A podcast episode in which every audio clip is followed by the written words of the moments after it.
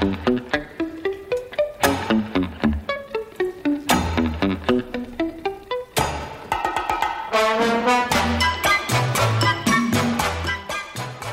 bona tarda, amics i amigues, com esteu? Passen uns minutets de les 5 de la tarda.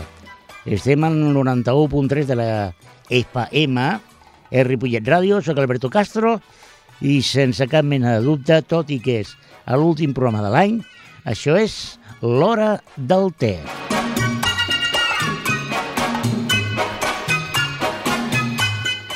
I avui, per aquests que porten l'agenda ben organitzada, avui toca el programa Magatzin. És a dir, que tenim seccions. I tenim seccions molt interessants, de debò, eh? eh escolta, com ha anat l'any 2013? Bueno, podríem dir que podria haver anat millor, no? Segur. Segur que sí. Però, bueno, penseu que si aquest ha anat malament, l'any que ve segurament no pot anar pitjor. O potser sí, però en qualsevol cas hem de tenir bona, bona esperança. I per això començarem amb una secció que ens ajudarà a preparar una mica més el Nadal i a preparar-ho feng shui. Sí, sí, feng shui, us en recordeu? Tenim una secció que és el Com a Casa, que ens parla de totes aquelles coses que hem de fer a casa nostra per estar millor. Doncs en aquest cas, eh, el Com a Casa ens parlarà de com aplicar el feng shui al Nadal. Com a casa, amb Montserrat Barquero.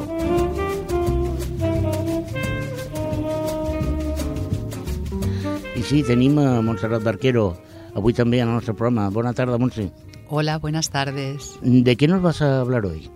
Hombre, Alberto, pues como no puede ser de otra manera, vamos a hablar de la Navidad. De la Navidad. ¿Y cómo puede ayudarnos la, la Navidad del Feng Shui?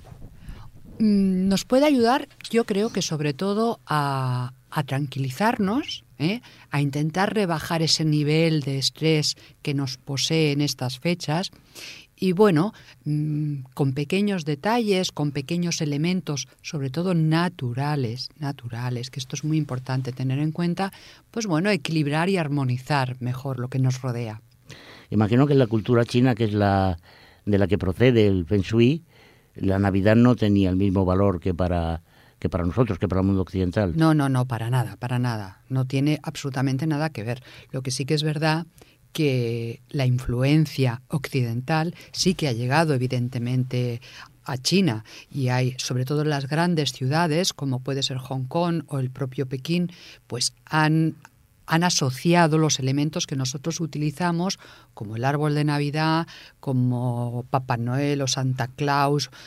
A ver, eh, los niños son niños en todas las partes del mundo y todo lo que sea recibir regalos y reunirnos las familias y los seres queridos, pues a ver, en cualquier parte del mundo se puede hacer de una manera o de otra. Imagino que cuando recibes la avalancha de familiares en casa, donde vienen abuelos, eh, cuñados, cuñadas, hermanos, hermanas, niños de todo tipo, mm, el Feng Shui debe de un poco asustarse y ponerse en el rincón para que no pase nada, ¿no? Sí, sí, sí, se protege detrás del árbol de Navidad el que tenga y el que no tiene árbol de Navidad, pues el chi se espanta, se espanta y huye por la puerta.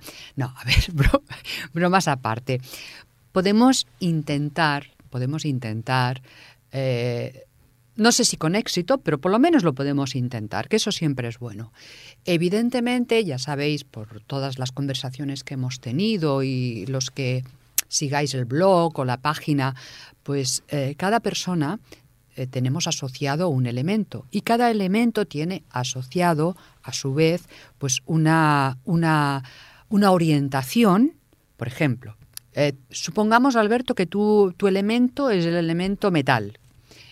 Tú estarías en, en mejores condiciones porque el elemento metal es el elemento del, invierno. Entonces tú ahí estarías eh, mejor, ¿eh?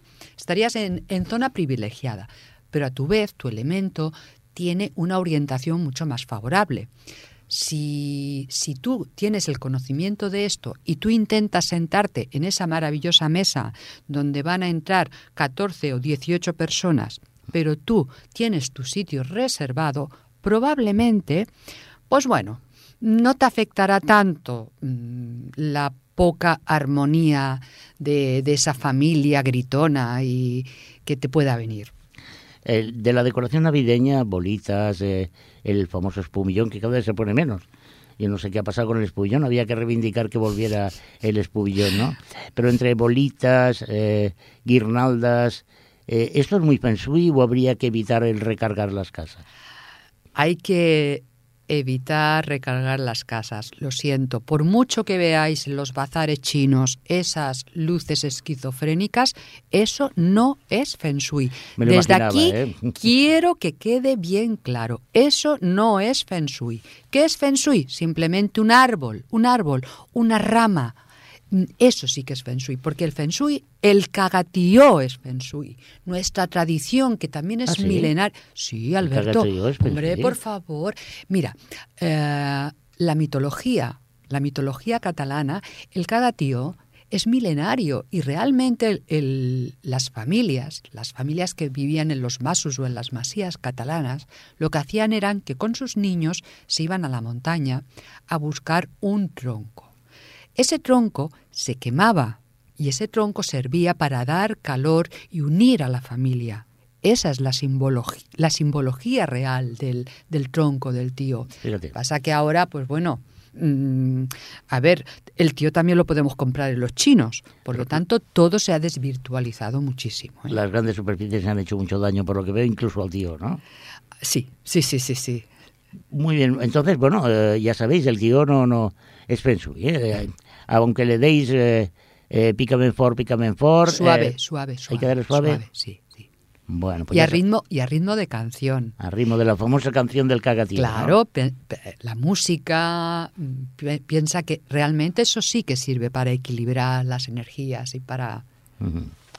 Vamos a ver cuando... oh, yo te he oído a ti alguna vez comentar que lo importante cuando de la Navidad es que cuando se va todo el mundo, eso hay que limpiarlo, ¿no? Sí, sí, sí, sí, sí. ¿Cómo, ¿Cómo se limpia una casa después de que has tenido a toda la familia eh, celebrando esa- ese día? Bueno, esperemos que esa celebración haya ido bien y que no haya habido palabras pues que no tocaban en esa celebración. Eh, vamos a pensar que realmente ha habido algún miembro de la familia que se ha tomado alguna copa más de la cuenta y le ha dado por decir esas verdades que a nadie le interesan, pero él ha decidido que ha llegado su momento. Bueno, pues lo básico, lo que todos tenemos en nuestra memoria. Lo primero, ventilar, ventilar esa habitación, aunque haya cero grados fuera, no importa. Se ventila, se abre. Si eres muy friolero y no quieres abrir la ventana, pues bueno, quemas un poquito de incienso, te pones la música suave mientras que vas recogiendo, mm, a vuestro gusto, ¿eh? No, a quien le gusten los villancicos, pues venga, los villancicos, no importa. A quien le guste heavy metal, aquí espíritu libre, ¿eh? Y vamos a conseguir que el chi, de alguna manera, quiera volver a tu casa, a tu ambiente, y que, bueno, vamos a volver a recogerlo otra vez. Bueno, pues ya lo veis, eh, la Navidad puede ser feng shui, eh, sobre todo si cuando se va la familia, que es el momento más agradable de la cena, eh, limpiamos y aireamos bien. Monse, ¿cómo, cómo recuerdas tus Navidades cuando eras niña? ¿Qué, ¿Cuál es el recuerdo que te ha quedado que te ha quedado grabado de aquellas Navidades? La música, la música sobre todo, la música, porque en mi familia, la mayoría de los miembros de la, de la familia, mayores, adultos, pues todos tocaban un instrumento. Y, el recuerdo que tengo más grato eh, era ese, ¿no? Que se reunían todos y bueno, pues cantábamos, cantábamos toda la familia. Y ese es el recuerdo que tengo más grato. Y bueno, eh, la Navidad viene muy asociada con los regalos, ¿no? Con esa necesidad imperiosa de regalar, de regalar a la gente cosas. ¿Cuál fue aquel regalo cuando eras niña que te marcó, que te hizo especial ilusión? Un teléfono. Un teléfono. Sí, un teléfono. Además, bueno, eh, la anécdota no es adecuada contarla, pero es que a mí me la trajo el propio rey. Puedes, puedes contarla. puedes No, no, contarla. no, porque como es una es un horario que igual hay algún niño que. Que lo O sea, el propio rey te trajo el teléfono. Sí, sí, sí, porque era el propio rey me trajo el teléfono y escaló por el balcón. Escaló por el balcón. Sí, y me lo trajo personalmente. Entonces fue, fue muy impactante. Luego descubrí, bueno, mm, vamos Bueno. a dejarlo ahí, pero fue, fue el regalo más bonito que tuve, fue un teléfono. Muy bien, muy bien. ¿Algún deseo para el 2014, Monse? Pues, pues, lo típico, la paz en el mundo, pero como eso... Como No, eso no, no vas, no vas para mis, para mis mundos, ¿eh? No, ya lo sé, para mi desgracia no. A No, para a mi pesar de que podrías, no. a pesar de que podrías. Ay, muchas gracias. No, no, no, no. Eh, para 2014 mm, solamente quiero, para mí y para todas las personas que yo aprecio y que estéis escuchando, pues solamente quiero que tengáis un año un poquito más armonioso que este. Pues yo lo que quiero, Monse, es que el año que viene, el 2014, vuelvas y continúes colaborando con Lora del Té. Yo lo haré encantada. ¿Sí? Sí. Pues bueno, familia, ya sabéis eh, cómo celebrar estas Navidades un poquito más de Feng Shui. Monse, mm, que tengas un muy buen año. Igualmente, Alberto.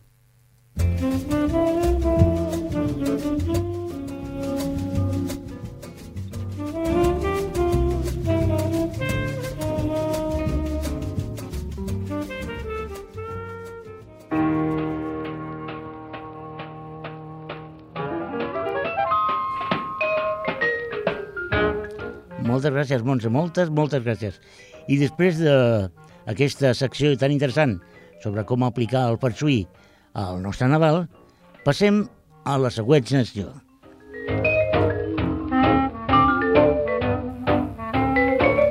Bueno, pues hoy tenemos a, a una amiga del programa, a una amiga entrañable, que ha colaborado con nosotros alguna otra vez.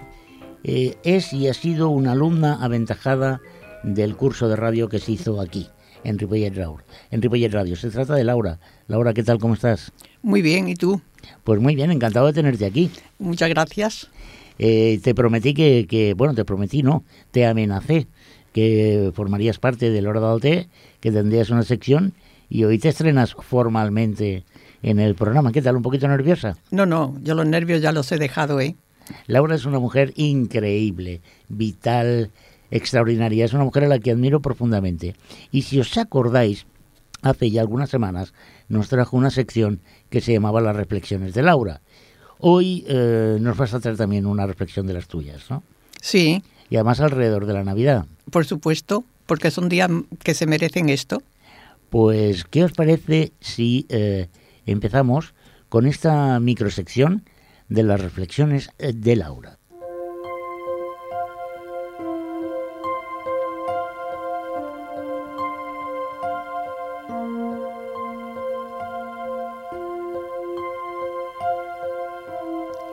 Hola, muy buenas tardes. De nuevo estoy con todos ustedes para compartir un poco de vuestro tiempo en estos días tan entrañables como es la Navidad.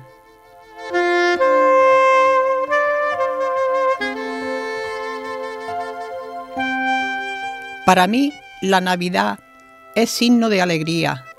También es la exaltación de los valores y sentimientos más nobles de las personas. ¿Y para vosotros?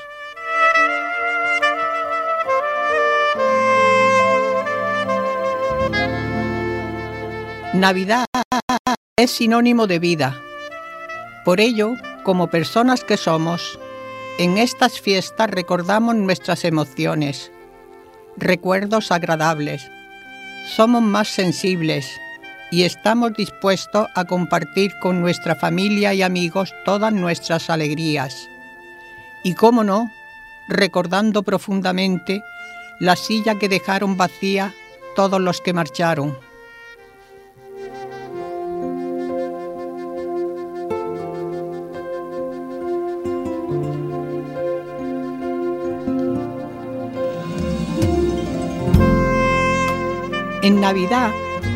Deberíamos hacer un espacio en nuestra vida y proponernos ser más humanos sobre todo con los más necesitados.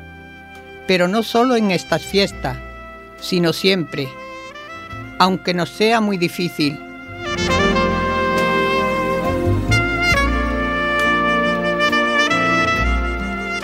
Hay tantas cosas que con nuestro pequeño esfuerzo se podrían llevar a cabo y que sin darnos cuenta nosotros recibimos, como cuando un amigo te tiende una mano, el niño que con su sonrisa te dice que te quiere, el pequeño gesto de una palmadita en la espalda. ¿Por qué no lo hacemos nosotros?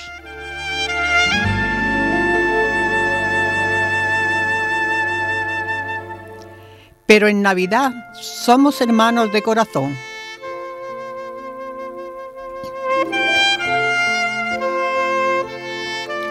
Para terminar, os quiero dejar esta reflexión de una frase escrita por Calvin Coolin, que dice así, la Navidad no es un momento ni una estación, sino un estado de la mente, valorar la paz y la generosidad y tener merced es comprender el verdadero sentido de la Navidad.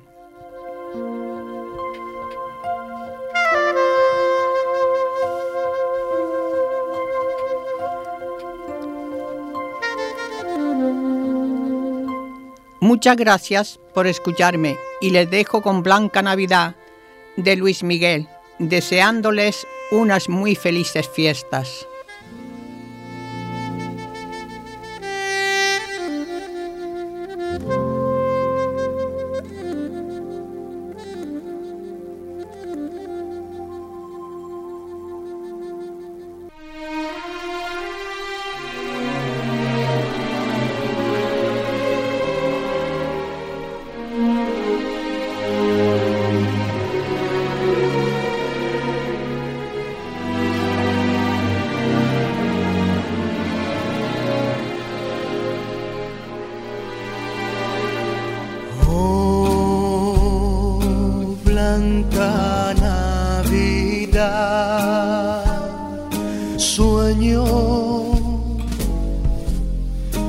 todo es blanco alrededor.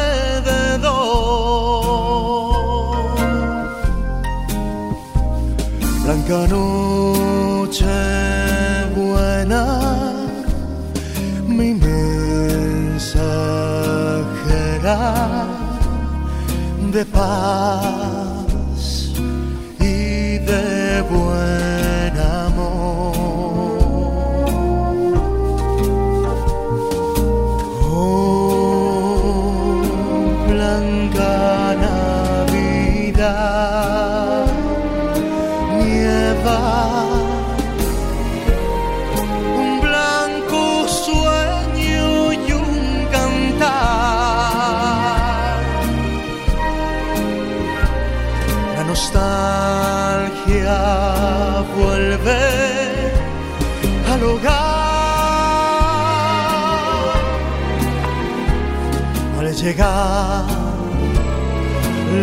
la blanca Navidad.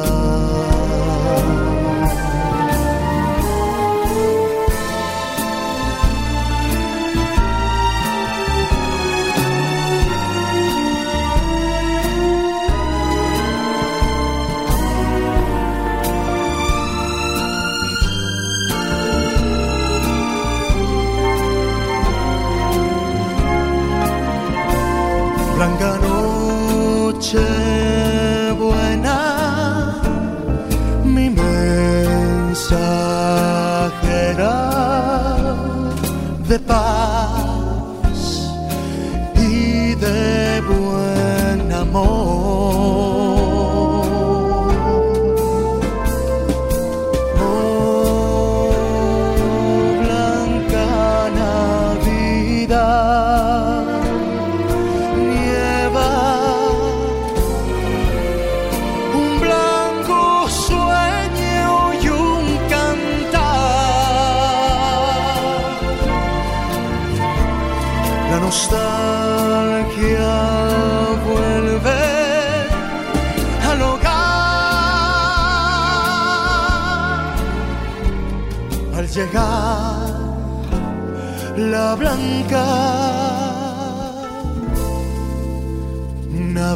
Navidad.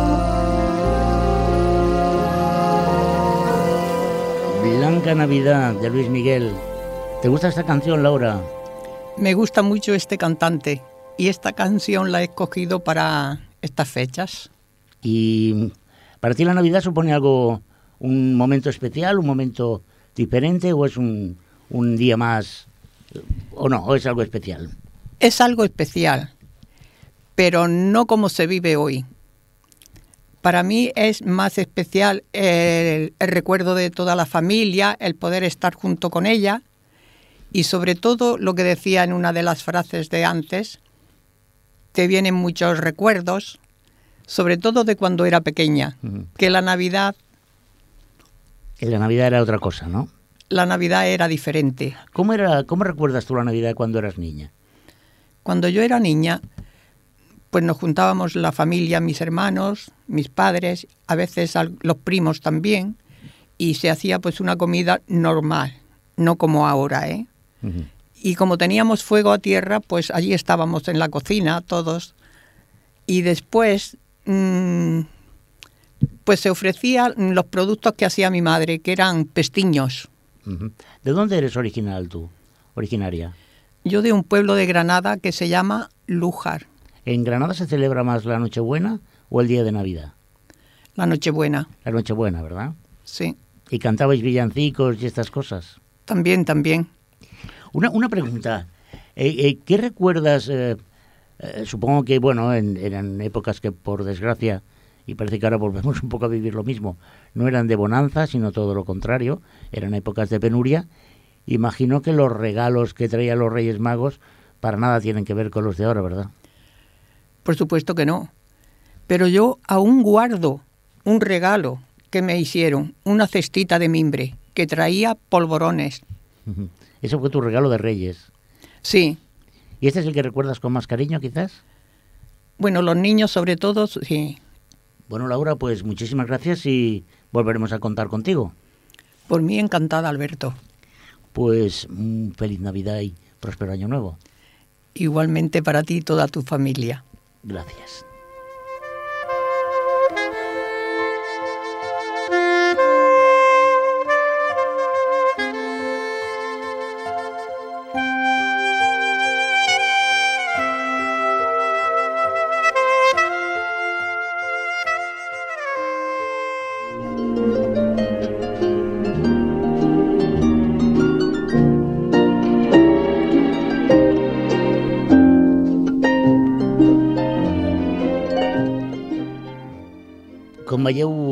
Reflexions també estan bé de vegades. El Nadal és una, és una època de reflexió.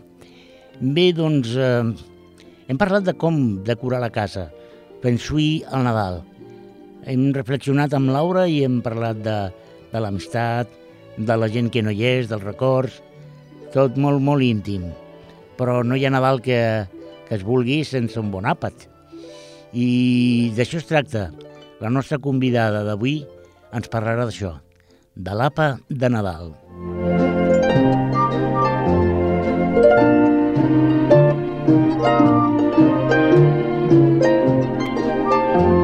Doncs bé, avui, eh, com ja hem dit, era un, és un plaer tenir a l'hora del té, en l'últim programa de l'any, doncs tenia una persona que, que bé, jo crec que els que siguin de Ripollet han de...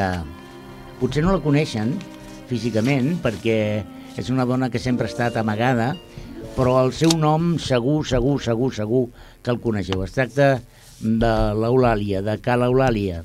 Què tal? Bona tarda, senyor Eulàlia. Bona tarda, què tal? Doncs molt bé.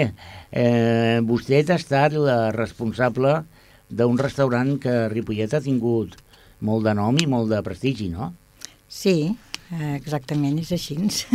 Però com, com va començar vostè en el món de la cuina? bueno, vaig començar amb 11 anys posar-me a la cuina, perquè tinc intolerància a la llet i a l'ou.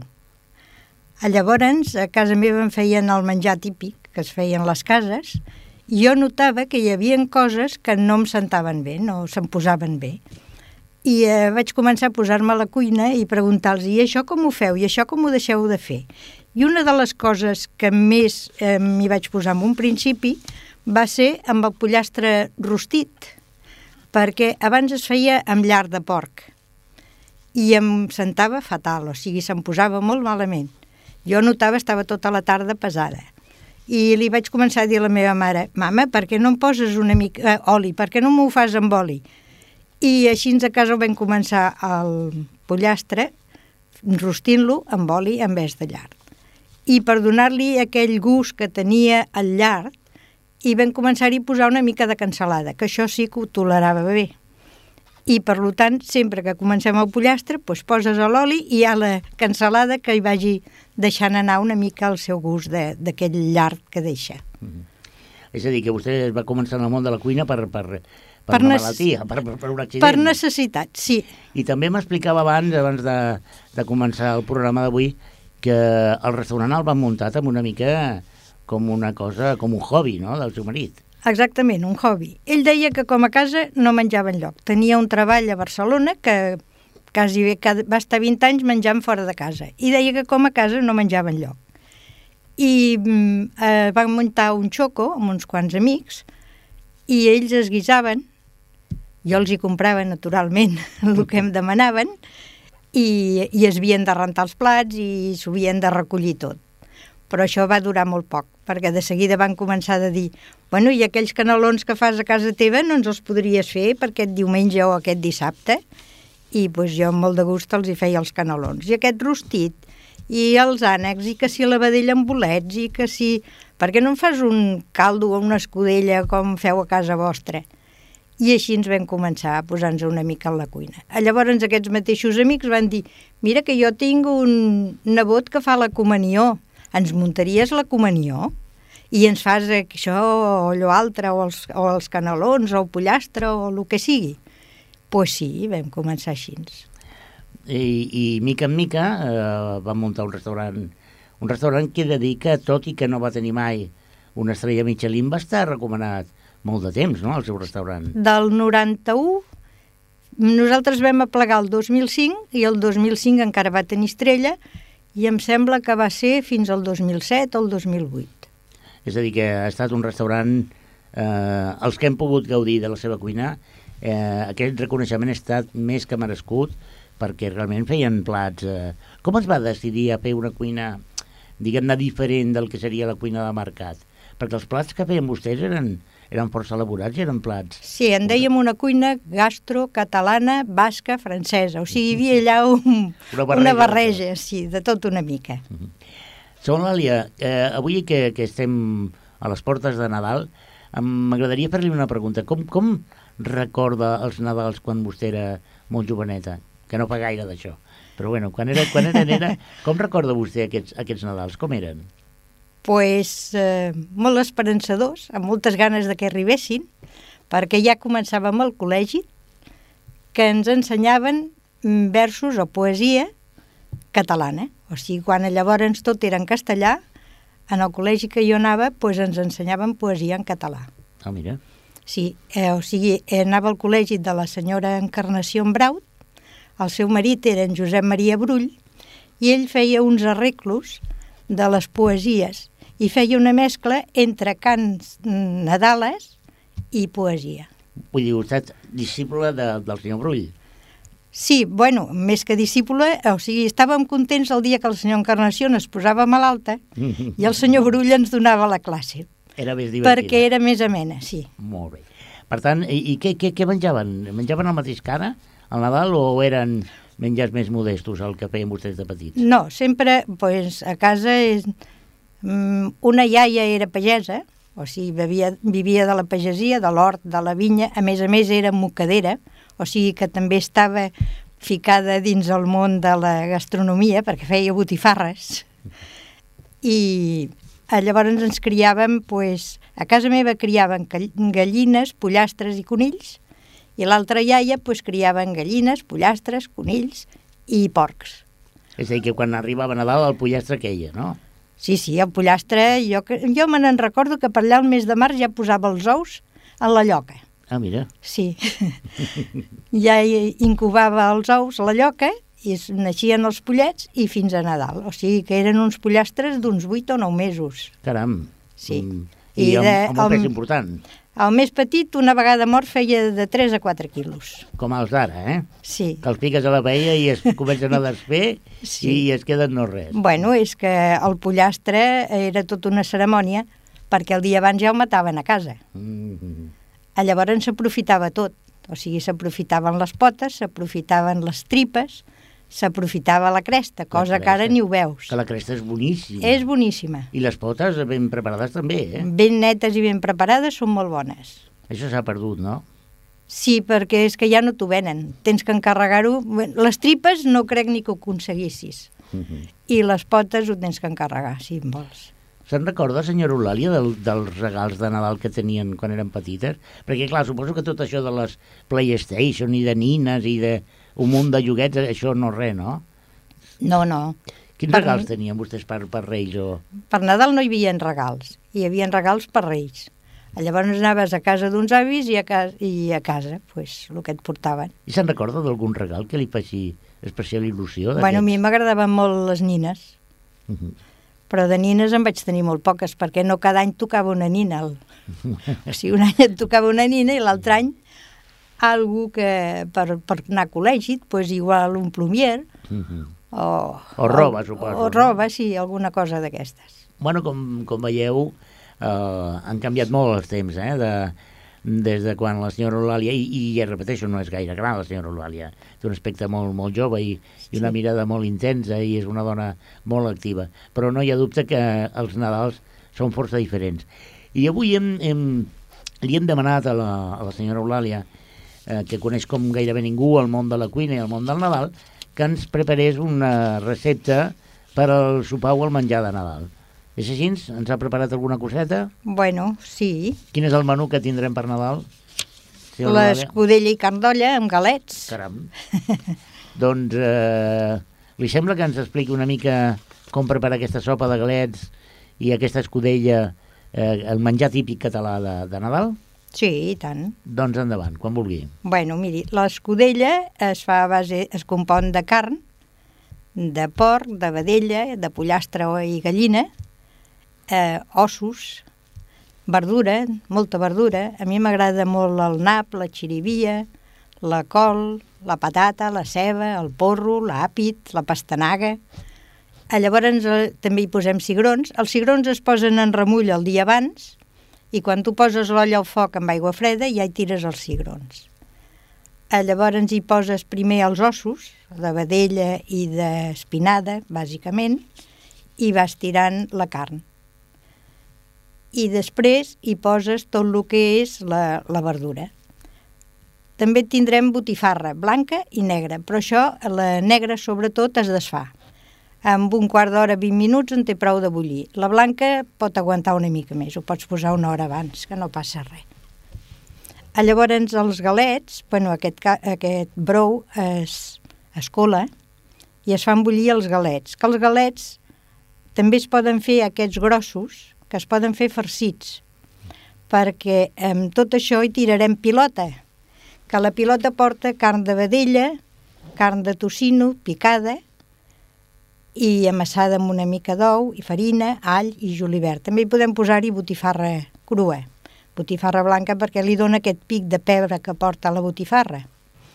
Llavors aquesta massa podem fer o una pilota gran, que la tirarem a dins de l'olla, o, o unes pilotetes petites que poden servir per farcir aquests galets o posar-les simplement eh, sueltes dintre de, del brou. En aquestes pilotetes petites, si les fem farcides per el galet, hi podem picar-hi uns pinyons i llavors hi donen molt bon gust a lo que és el galet. És una sopa contundent, eh, l'escudella aquesta. Sí, sí, sí. I després la carn s'aprofita tota. Perquè, és clar, ara jo no us he parlat ni de posar-hi la cresta, ni les potes, ni les tripes. Però abans tot això sí que ho posàvem i ja se servia tot a part.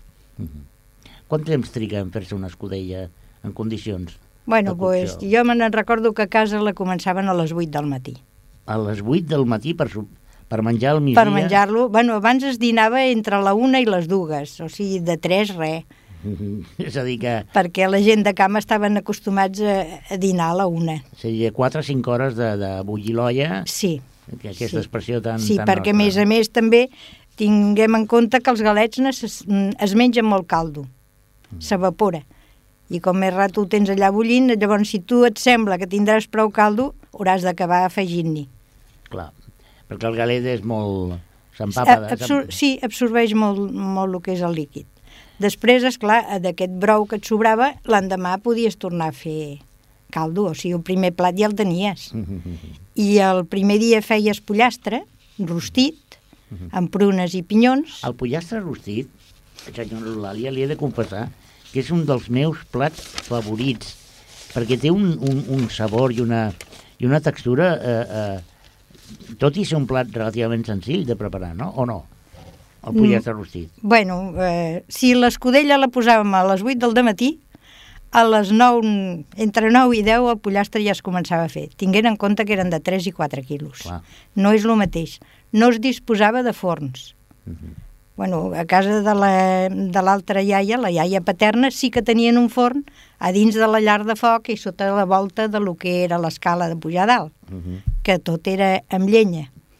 Llavors, si tu acabes un pollastre, al forn sempre et quedarà més tou. Mhm. Però si no tens forn, és a base d'hores i anar-se coent. I, i, i quin, com, com es prepara el pollastre rostit? Bueno, aquests pollastres grossos ja no són a quartos, són a octaus. Mhm. o sigui que són més trossejats. Eh, tu els poses a la cassola, com li he dit, si vols posar-hi llar, si vols posar-hi oli amb cansalada. Posarem oli amb cansalada perquè vostè no tingui problemes. Vale. doncs ho anirem fent de mica a mica, trossejarem un parell de cebes, eh, un tomàquet o dos, llaurer, canyella, i això es va fent amb molt rato. Després de, de la quantitat, depèn de la quantitat de pollastres perquè igual en fas dos. Mhm. Clar, perquè si són octaus, un pollastre és per 8 o per 16. Però si sou una casa de família, doncs, llavors en vez de dues cebes n'heu de posar 3 o 4 o el que faci falta. Aquesta ceba es va coent i els, aquests pollastres grossos deixen també molt greix. O sigui que ells mateixos ja fan suc. Les cebes les podem posar de figueres i alguna de tendra, perquè la ceba tendra deixa més suc que la, la que és més seca. Mhm. I això es va caramelitzant la ceba amb el que és el suc del pollastre i és el que li dona aquest gust típic de rostit. Després aquest pollastre normalment eh, com que en fas quantitat, perquè si és un pollastre per 8 i només sou 4 us en quedarà per l'endemà. Doncs pues agafeu una mica del brou, del caldo que heu fet el dia abans, i feu una picada i amb una mica més de suc l'endemà el tindreu tou, si no us quedarà molt sec avui per demà. És a dir, que s'aprofitava tot i pensant no només en avui, sinó a, a demà també, no?, per aprofitar aquest menjar. Sí, sí, perquè abans jo me'n recordo que a casa no vam tenir nevera fins als anys 50. Això costa d'entendre, la gent d'ara potser no, no, no, no hi pensa, però la nevera és un electrodomèstic que va arribar relativament tard a les, a les llars eh, espanyoles i catalanes. Vull dir, la nevera no, no, sembla que tota la vida ha estat, i no és veritat. Bueno, de fet, Primer eren les de gel. exacte, i, Sí. i a casa de pagès hi havia les peresqueres, que es deien. Sí, sí, sí, sí. sí. Que eren- El, el carner. Ex- A casa en dèiem el carner, que era com un armari amb tela mosquitera. Exacte. Sí. I que la carn es conservava per, per temperatura ambient, per dir-ho manera. Sí, teníem la sort que per Nadal feia sempre fred. Clar. I llavors avui per demà se't conservava perfectament. Mhm. I el problema el teníem a l'estiu. Però a l'estiu el baixàvem a baix al pou, Clar. que el pou estava a 16 graus. No, no, home, si tants anys i tants segles de, de tradició gastronòmica, segurament eh, és que la gent havia trobat solucions per a aquest tipus de, de problemes. De postres, eh, senyora Eulàlia... Els què- torrons i els les torrons, neules. El torrón i neules. I la fruita, I la fruita. sí. Que tampoc era molt habitual, suposo, a la seva època, tenir fruita de tota mena. No, no, pomes i peres, plàtans. Perquè la pinya jo recordo que va venir ja cap als anys 50. Mhm. Però, clar, una vegada hem fet aquest àpat de, del dia de Nadal, del migdia de Nadal, eh, Sant Esteve, que és una festa molt catalana, també hi havia un, un producte estrella, no?, que eren els... Els canelons. Els, famosos canelons de Cala Eulàlia. Sí, els canelons. Quin, quin és el secret del caneló? Perquè, bueno, suposo que més o menys tothom sap que s'aprofita la, la bueno, carn... sí, la carn es fa rostida. Bueno, si aprofites la carn de l'olla no et sortiran iguals, perquè et surti bons la carn té que ser rostida com has fet el pollastre. Llavors també porta carn magra, carn de vedella, petxuga de pollastre, fetge de pollastre, botifarra crua, i, bueno, i es rosteix amb la ceba, amb el tomàquet i tal com hem dit. Llavors, el- l'únic que hi ha de diferent és que a casa sempre hem fet el que és la beixamel diferent de lo, de lo que és la bàsica beixamel. I és que sofregim una mica de ceba i tomàquet, però cuidado que no és sofregit, o sigui, perquè es posa mantega i una mica d'oli s'hi pot posar a la paella, llavors la ceba i el tomàquet. I ho passes per la paella, però sense ni fregir-se ni durar-se. Només que agafi una mica el gust. Després hi tires la farina, però la farina també té que quedar una mica com torrada. I llavors ja la llet, que és el que ho lliga tot. Mhm. I ho passes pel túrmix o passapurés i ja està. Que suposo que tota la, totes les dones de casa fent canelons el dia de Sant Esteve, no? Sí, bueno, ara en trobes molt en el mercat i molta gent ja els encarrega, sí. perquè és una feinada. És una feinada, no? És una feinada, Jo sí. recordo que la meva àvia quan feia eh, i tot el matí amunt i avall i vinga i posant la pasta que abans havia de... Sí, havia de bullir. Havia de bullir i preparar-se i... Ara també en trobes que només posant-la amb remull ja la tens a punt. Mhm. Que, quin, que fàcil és ara, no, senyora Eulàlia? Tot, tot és Comparat més amb fàcil, abans. sí. Eh, eh, quan vam parlar vostè i jo per primera vegada, em comentava, em va dir una cosa que, que em va quedar gravada i que li vull preguntar. Eh, les anècdotes del pollastre, eh, eh, del, del relleno del pollastre. Que, que, em podria explicar, sisplau, això, perquè Sí, sí. divertit. Bueno, és que cada, cada any per Nadal la meva família m'ho retreu. I és que quan vam començar a tenir el restaurant, un any el cuiner ens va fer un pollastre farcit. Però, com que el meu marit era molt exagerat, el pollastre havia de ser de 5 quilos, no podia ser de 3 o de 4. I entre el relleno de dins, el farcit de dins i el pollastre, doncs era una bola enorme que per entrar tota la temperatura en el cor d'aquell farcit, pues, ja el vam tenir 3 o 4 hores, no sé quantes hores hi va estar una pila, pues el cor de dintre va quedar una mica cru. I l'any que va venir, diu el meu marit, aquest any el fas tu. Aviam si et queda una mica més cuit. I jo vaig pensar, et passarà igual. Agafa el farcit i fes-lo a part. O sigui, vaig fer el pollastre per un cantó, el vaig posar al forn i tot el farcit vaig fer una bola com si fos una pilota embolcallada en paper d'alumini o vegetal, no sé el que era en aquell moment, i ho vaig posar-ho al forn. I a l'hora de, de servir el pollastre, diu el meu marit, ara us portarem el pollastre farcit. I jo entro amb el pollastre per un cantó i el farcit per un altre. Bueno, eh, tot es barreja en l'estómac al final, no? Sí, la veritat és que posat al plat i una vegada menjat va ser més bo perquè tot estava al seu punt. Clar. Però jo vaig pensar, és que um, ni que el tinguis 5 ni 6 hores aquest pollastre aquí no se't cou. Perquè, és clar hi ha uns forns que tenen encara més temperatura que els que podíem arribar a tenir nosaltres, perquè nosaltres el teníem als 220. És que també me n'en recordo que abans, sobretot quan fèiem cabrit al forn, jo l'havia portat al forn de pa. Perquè també et quedava, quan tenia una bona temperatura, aquell forn, pues, el, el cabrit et quedava més bo que no pas Que era a un port casa. de llenya, suposo, no? Sí, sí, sí. Quan jo li parlo, el forn encara era de llenya. que ara comencen a, a tornar a veure'ns eh, aquestes grans superfícies comencen a vendre una altra vegada forns més petits, forns de llenya una mica per, per, eh, per reproduir aquestes condicions perquè realment el pa sortia molt més bo. Nosaltres havíem tingut un forn castellà, fet amb volta de fang. Va venir un senyor de Valladolid a fer-nos-el, Oh, eh. que fèiem els cotxinillos i el, i el bé. Què ha passat amb el pa, senyora Eulàlia, que ja, ja no és com abans? O és que tenim algú en el record més íntim de... I, i, i el que provem ara no és... Jo és que recordo el pa de quan era petit i no té res a veure amb el que, amb el que fa ara. La, la molla era molt més densa, eh, Bueno, tenia més de, més de gust, no sé. Hi han molts tipus de farina, també. És que ara hi ha tants tipus de farina que jo no li sabria dir quina és la millor per fer el pa. L'única cosa que sé és que si vas a muntanya, el pa és diferent del d'aquí baix. Potser per l'aigua també o no? També hi pot influir l'aigua, sí. Uh -huh. El que està clar és que la cuina és un, és un miracle i és un, un misteri i és extraordinari. Li agrada a vostè cuinar, no? Encara avui. A mi em relaxa cuinar. Mm? Sí, sí, sí. I a més a més, quan cuino ja penso, aviam què et dirà aquest net i aquest altre, perquè ja tots tenen el seu plat preferit. Mm. I llavors em pregunten, iaia, quin dia em faràs canelons? O quin dia em faràs aquella vedella farcida? O els macarrons famosos, no? Macarrons, sí. I la pizza, això que, que els agrada tant a la canalla d'ara, però que, que no és ben bé nostra, que, que, li agrada a vostè la pizza o no?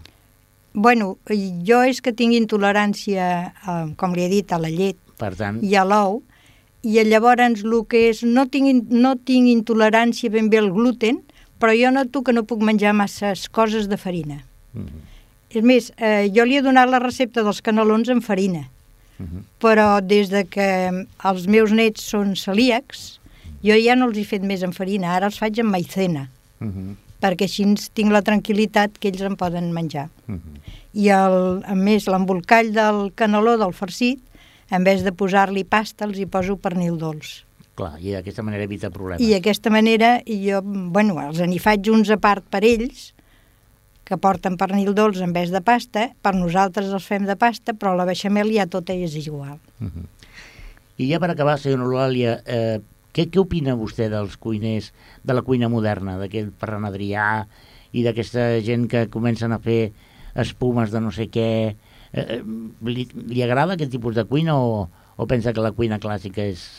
és... Bueno, la cuina és innovació, perquè tu comences a fer un plat i no... Jo acabo fent molts plats que no tenen res a veure com vaig començar. Sempre hi vas eh, afegint coses que tu hi aportes. O perquè, mm, sobretot, jo miro pel tema de que em senti, se'm posi més bé, que jo passi una bona tarda. Mhm. Llavors, per exemple, quan vaig començar a fer la brandada de bacallà, la feia d'una manera, i ara la faig totalment diferent. Senyora Eulàlia, si la torno a convidar un altre dia, vindrà i ens dirà altres plats, aquests meravellosos eh, que vostè fa i que vostè coneix. Podem abusar de vostè. pues no faltaria més, si jo puc venir, pues ja ho saben. Doncs eh, hem tingut a la, a la Roscallera de Ripollet, diria jo. No, no és veritat. Hem tingut a l'Eulàlia, que té identitat per, ser, per ella mateixa i que ha demostrat al llarg de la seva trajectòria com restauradora que, que és una dona que mereix estar eh, amb noms molt grans dintre de la història gastronòmica del nostre poble. Senyora Eulàlia, moltes gràcies. A vostès.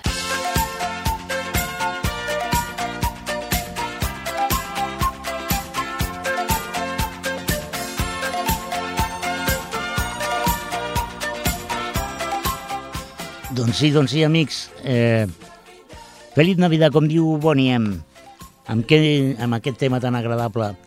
Hem, ja hem vist gairebé tot, tenim gairebé tot, eh? Gairebé tot tenim per celebrar un bon Nadal.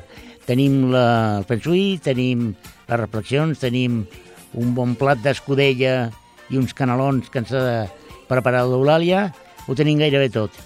Eh, jo la veritat és que ha estat un plaer compartir el 2013 amb vosaltres, aquí a Ripollet Ràdio 91.3. Nosaltres tornarem el diumenge, perquè és quan es repeteix el programa, de 5 a 6. I el proper programa ja serà en el 2014. Un 2014 que desitjo que us portin tot allò que us mereixeu, que segurament no serà poc. Amics, amigues, a ripolletradio.cat podeu escoltar aquest programa i qualsevol altre, i no només del 2013, sinó des de que es va, bueno, des de que es va inventar la llum, pràcticament. De veritat, de tot cor.